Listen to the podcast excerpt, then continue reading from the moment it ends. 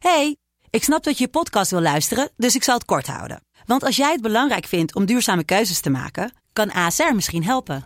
Nou hoor ik je denken, hoe dan? Nou, bijvoorbeeld bij het duurzaam herstellen van schade. Of de premies die we beleggen volgens ons duurzaam beleggingsbeleid. Dat bepaalt waar we wel en juist niet in investeren. Wil je meer weten over welke duurzame keuzes ASR maakt? Ga dan naar asr.nl slash duurzame keuzes. ASR doet het. Zo, dan kan je nu lekker naar je podcast luisteren. Hey, ik snap dat je je podcast wil luisteren, dus ik zal het kort houden. Want als jij het belangrijk vindt om duurzame keuzes te maken, kan ASR misschien helpen. Nou hoor ik je denken, hoe dan?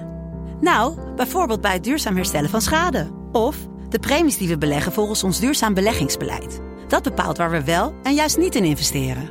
Wil je meer weten over welke duurzame keuzes ASR maakt? Ga dan naar asr.nl slash duurzame keuzes. ASR doet het. Zo, dan kan je nu lekker naar je podcast luisteren. Dit is Mand, kortste podcast van Nederland. Vandaag gaan we het hebben over India.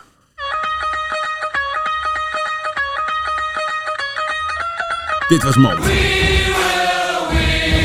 Mand.